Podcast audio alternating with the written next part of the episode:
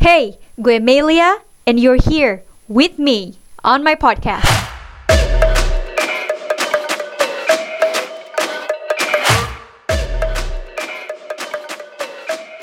It's October 1st, 2020, and I just realized that making podcasts is very challenging. I'm not a person who have a very good discipline, and uh, my very bad habit is procrastinating. I know it's bad, but anyway, after much of uh, deferment, interruption, finally producing and creating this this episode. This episode is about uh, letting go seni melepaskan, entah itu letting go feelings, letting go emotions, letting go grief, resentment, letting go anger, letting go thoughts. Um, dan yang berkaitan dengan uh, podcast ini adalah letting go items, melepaskan apa yang kita anggap tidak perlu lagi dalam hidup. Mungkin ada yang dengar ini terus bilang, Damn, I have worked so hard for this. Udah nabung, kerja keras, put my time and efforts untuk mendapatkan barang-barang yang yang gue pengen mendapatkan uang atau posisi atau apa pun yang kita mau. Terus sekarang gue di sini nyuruh lo semua untuk letting go. Give it up. It's not fair gak adil dan susah. Ya gak sih? So I'm not here asking you to let go all of it. I need you to let go things that you don't need necessarily. Karena kadangkala dan ada saatnya we need to let go. Di dalam minimalist living, dalam konsep ini, uh, process of decluttering, uh, you have to to pass the let go phase. Decluttering becoming tough atau sulit ketika lo harus dealing dengan barang-barang yang yang lo suka, barang-barang favorit, barang-barang yang memiliki nilai sentimental. Atau berarti banget karena mungkin ini pemberian atau hadiah dari orang-orang yang lo sayang. Lo ngerasa harus menyimpan barang ini karena memang harus dikip menurut lo enggak rela untuk dibuang dan merasa bersalah, you have the guilt feeling kalau lo ngebuang barang itu. Yang ada, lo stres sendiri dan stuck. It's not only you, banyak orang yang punya masalah juga dengan letting go ini. Jadi pada akhirnya proses decluttering ini menjadi beban. But you need to know, gak ada yang mudah. Letting go sering kali heart-wrenching dan susah sekali. I will let you know my struggle during the talk. Letting go adalah uh, proses dalam hidup. Kita harus bisa menerima apa yang terjadi di luar kendali kita. Untuk tahu kapan untuk give up dan let go everything, anything, apa pun yang bukan menjadi milik kita. There is a guarantee for you to be better person, even though walaupun kita belum bisa merasakannya sekarang. Kenapa sih udah di cluttering tapi masih aja ada barang-barang yang udah dari zaman dulu tapi susah banget untuk ngelepasinnya. Masih ada barang yang lo skip. Nanti aja deh dibuangnya. Tanpa kita sadari kita tuh udah attach barang-barang yang kita miliki dengan perasaan atau emotions. Salah satunya security. We worry we might need something again. Kita khawatir suatu saat kita butuh barang itu. Ini udah gue bahas sedikit ya di podcast sebelumnya. Ada perbedaan antara butuh sesuatu dengan uh, kemungkinan butuh.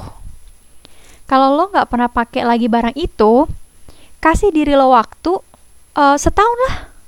Itu udah cukup lama ya. Then you can definitely throw it away Or if you feel bad, lo bisa donate atau kasih ke orang yang membutuhkan. Gampang banget ngumpetin barang-barang yang udah lo nggak pakai di lemari atau di gudang. Terus after a while itu akan numpuk.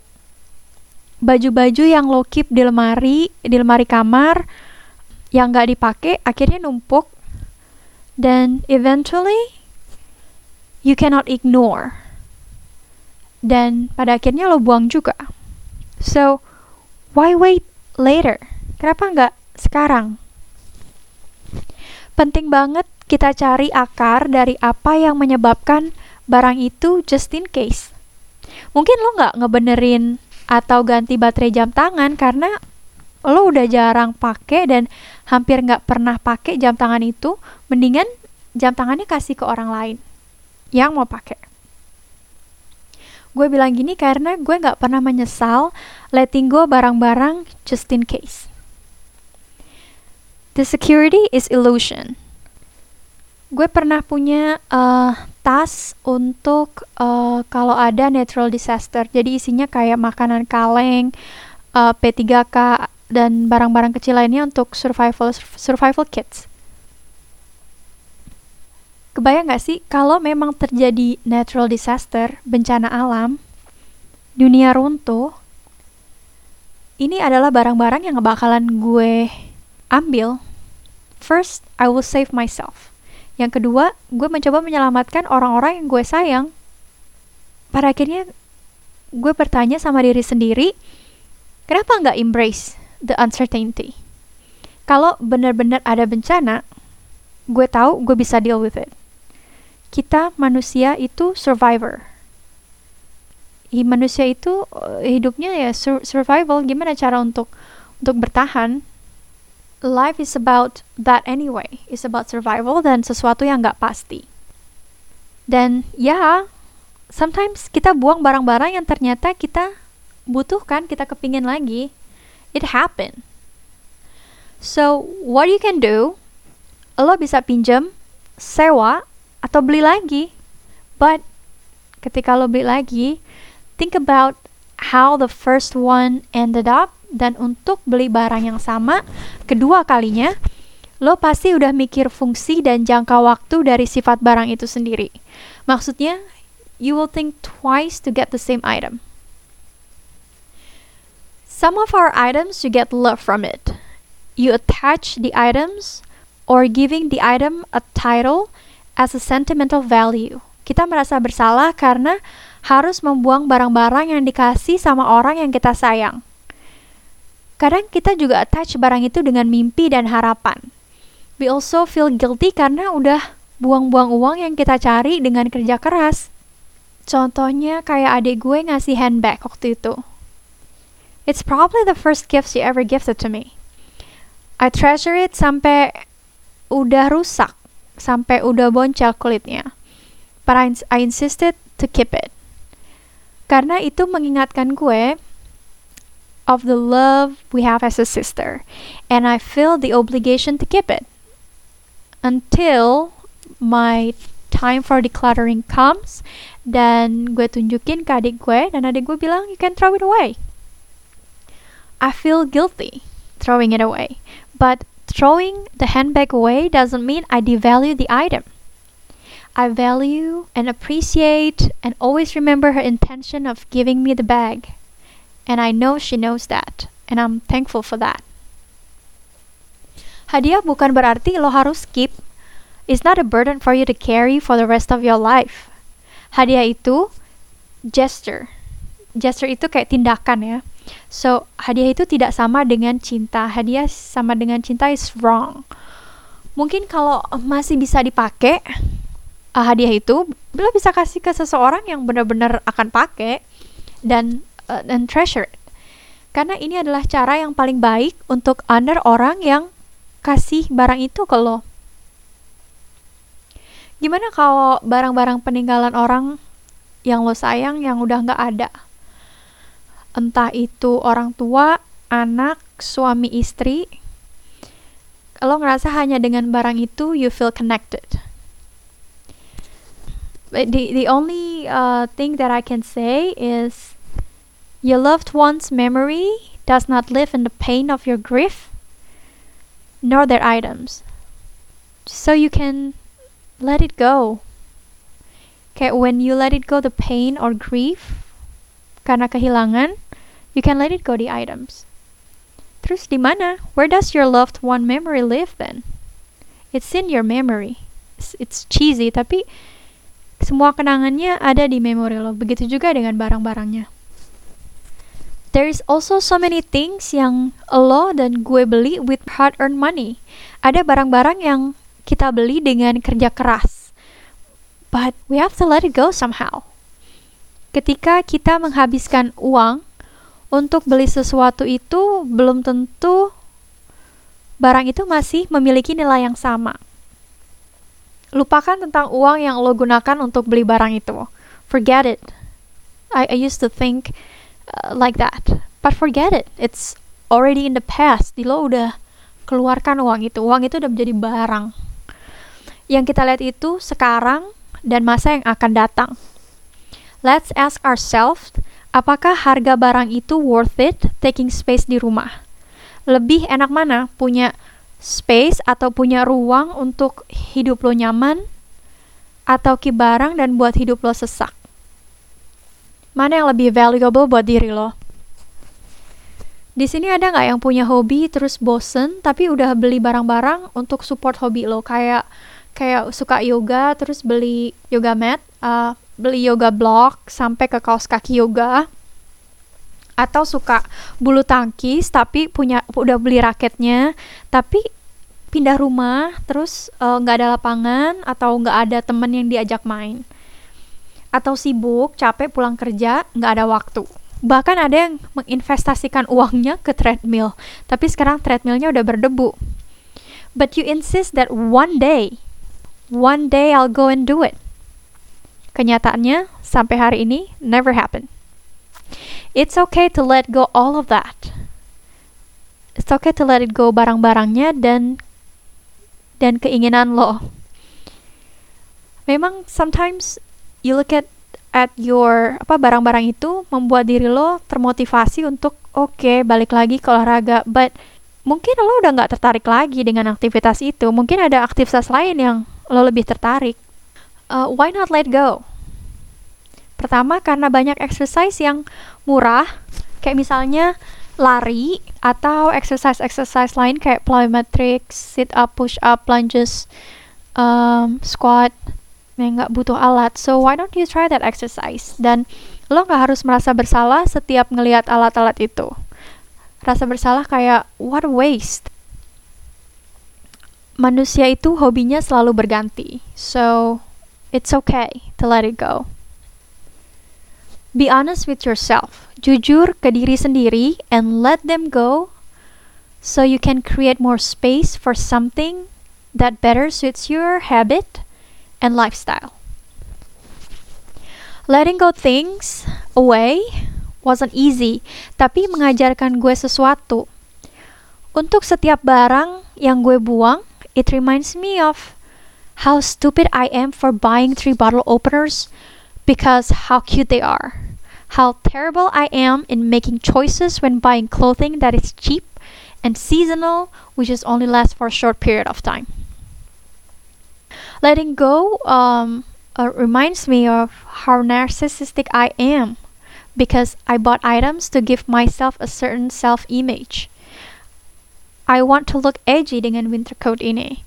I want to have a nice car because I want to show that I am successful and I make a lot of money. Letting go also also teach me that I am so bad with managing money seeing my bank account is running low every time I get my paycheck.